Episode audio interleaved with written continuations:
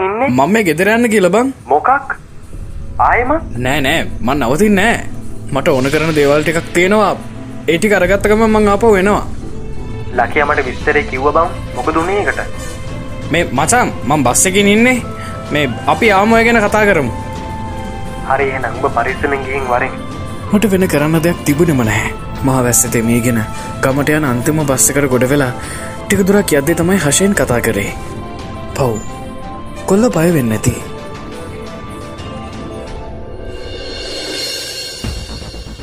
කොහොමුණ ත්‍රිසාල්ට එනකම් මට මොනහරි කරන්න වෙයි. සජයව ගොඩදා ගන්න නං මට මෙහි ඉන්නම වෙනවා. සංසාරගෙන්න්න මට වැඩක් නෑ හැබැයි මම යාට ඔප්පු කරලම පෙන්න්නම් මෙ දනුක කියන්නේ කවුද කියලා. හායිනම් කීයටවත් සද්ද වහලින්නේ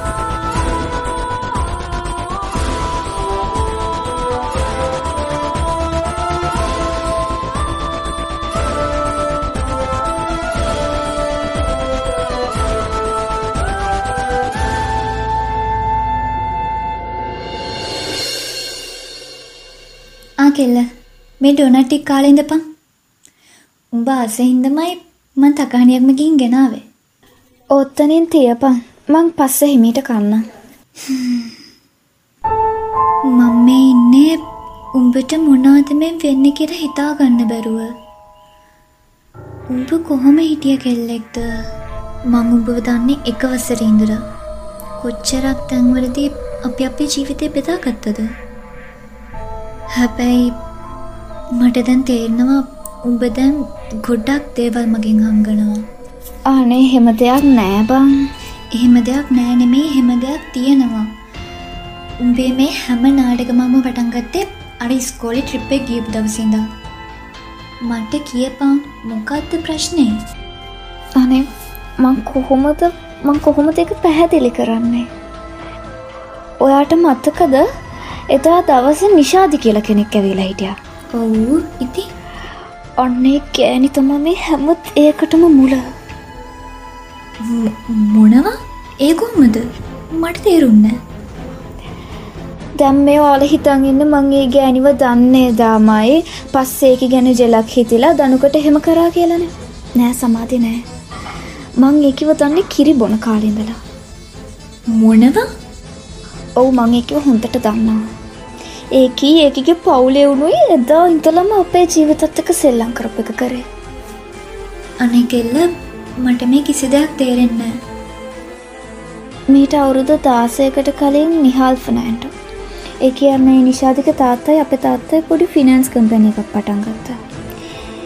ඒ මිනිහා පටන් ගත්ත දවස ඉඳලම කරලා තියෙන මිනිස්සුන්ගේ සල්ලි හොරකං කරප එක පස්සේ අප තාත්තිට මේක අහුුණා ඊට පස්සේ ප්‍රශ්න ගොඩාක් ඇති වුණා. කොටින්ම අප තාත්‍යව මරණ්ඩ පවා යාල ප්ලෑන් කරා. අපි ජීවත් වනේ පණ බයේ. එයාලගේ සල්ලිවලින් අප කටවල් වහල තිබුණේ. පස්සේ පස්සෙ මේ හැමතේම මීඩියවලින් හොයන්ඩ පටන් ගත්තා. වැටේ රටම දැනගත්තර පස්සේ මිනි අප තාත්තිවත් ඔහු කරලා මාස ගානක් අතුරු දහන් වෙලා හිටිය. ඒත් තාමත් ඒ නඩුව යනු හැබැයි වෙලාවට තාත්තිට ලොකු බලපෑමක් වුණේ නෑයකින් එතකොට මේකයි දනුකයි අතර තින් සම්බන්ධමකොත්ද මිනිස්සු හරි ආත්මාර්ථකාමී සමාධය. ඒ වගේම හරිම අවස්ථාවති තුවාර පාරල හරි ඒ අයට ඕන ඒ අයක දේවල් කරගන්න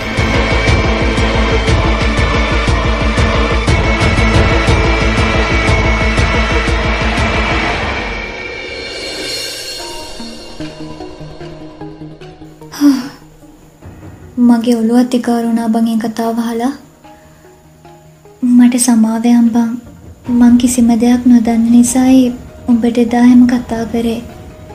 අනේ අනේ උඹට ගොඩාක් පින් මේ දේවල් ඔළුවෙ තද කරගෙන මං හිටිය මං හිටිය පිස්සුවෙන් වගේ බං.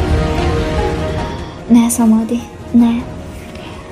මං අය උන්ට දිනන්ට දෙන්නේ උන් මගෙන් උතරගත්ත හැම තේම මං ආයත් මග ළඟට ගන්නවා. කොහොම හරි.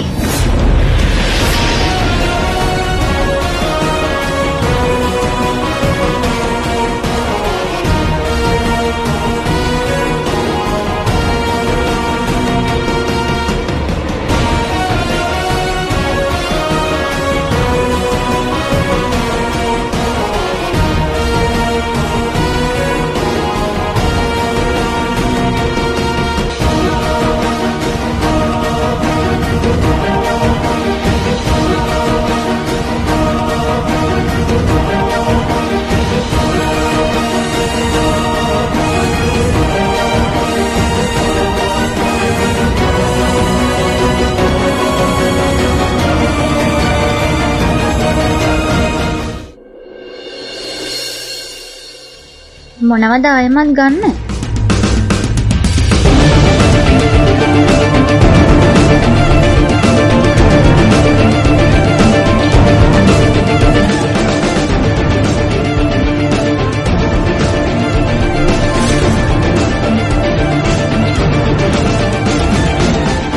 ආ ආ නෑ අම්මා. මේ මේ සමාධි ඩෝනට් වගේයක් ගෙනල්ල. අනේ අම්මා තේ ටිකක් හදන්නකෝ. මේක තේබොන වෙලාවක් නෙවේ දරුවෝ. දැන් රෑ අටත් පහු වෙලා දුව සමාධි. රැට කාලම යන්න. මං ඔයටත් එක්කම තමයි අද කෑම ලෑස්ති කළේ. අනේ ආන්ටි මන් නිසා ඔයාලට කරදරේ නේද? ඔයාට පරක්කු වෙන්න නැත්තම් දින එක තරම් යන්න. එන්න එන්න. මං අංකල්ට කියන්නම් ගෙදරට එරලවන්න කියලා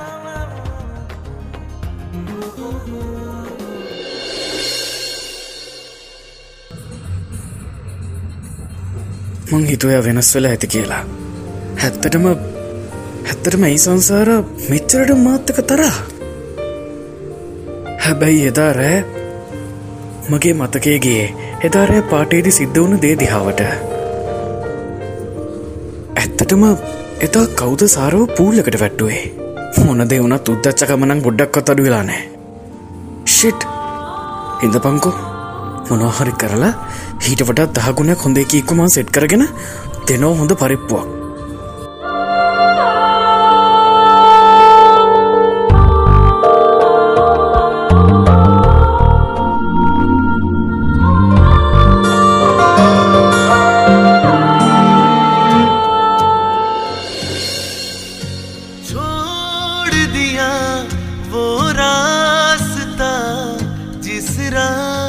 रास्ते से तुम थे गुजरे।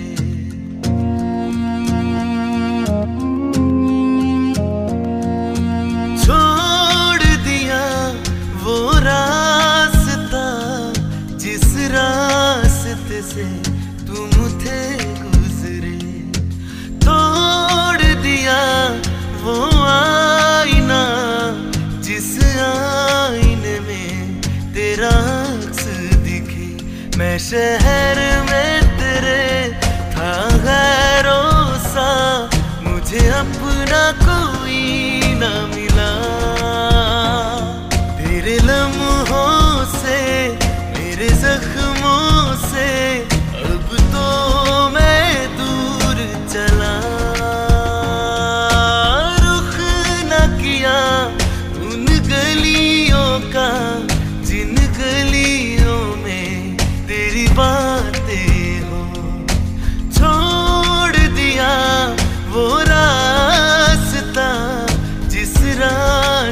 से तुम थे गुजरे।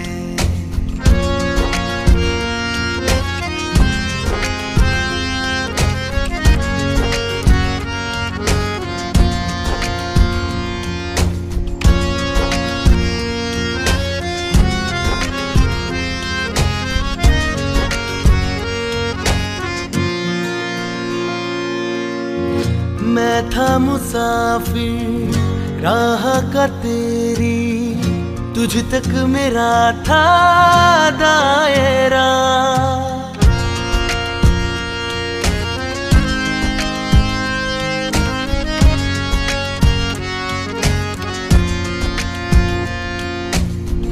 मैं था मुसाफिर, राह का तेरी, तुझ तक मेरा था दायरा।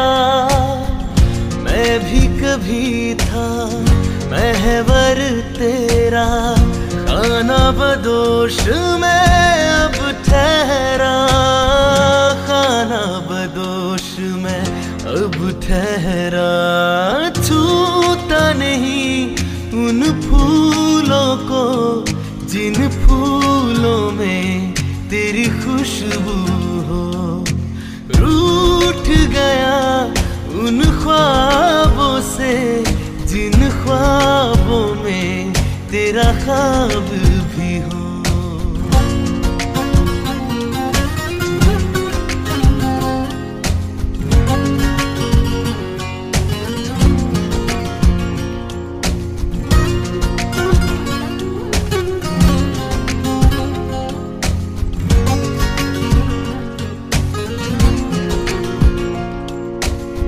कुछ भी ना पा मैंने सफ़र में होके सफ़र का मैं रह गया।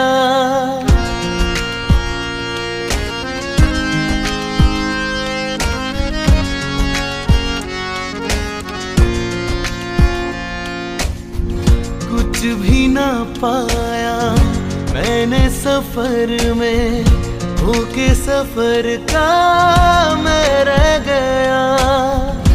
कागज़ का वो शीदा घर था। भीगते बारिश में बह गया, भीगते बारिश में बह गया। देखू नहीं उस चांदनी को जिसमें तेरी परछाई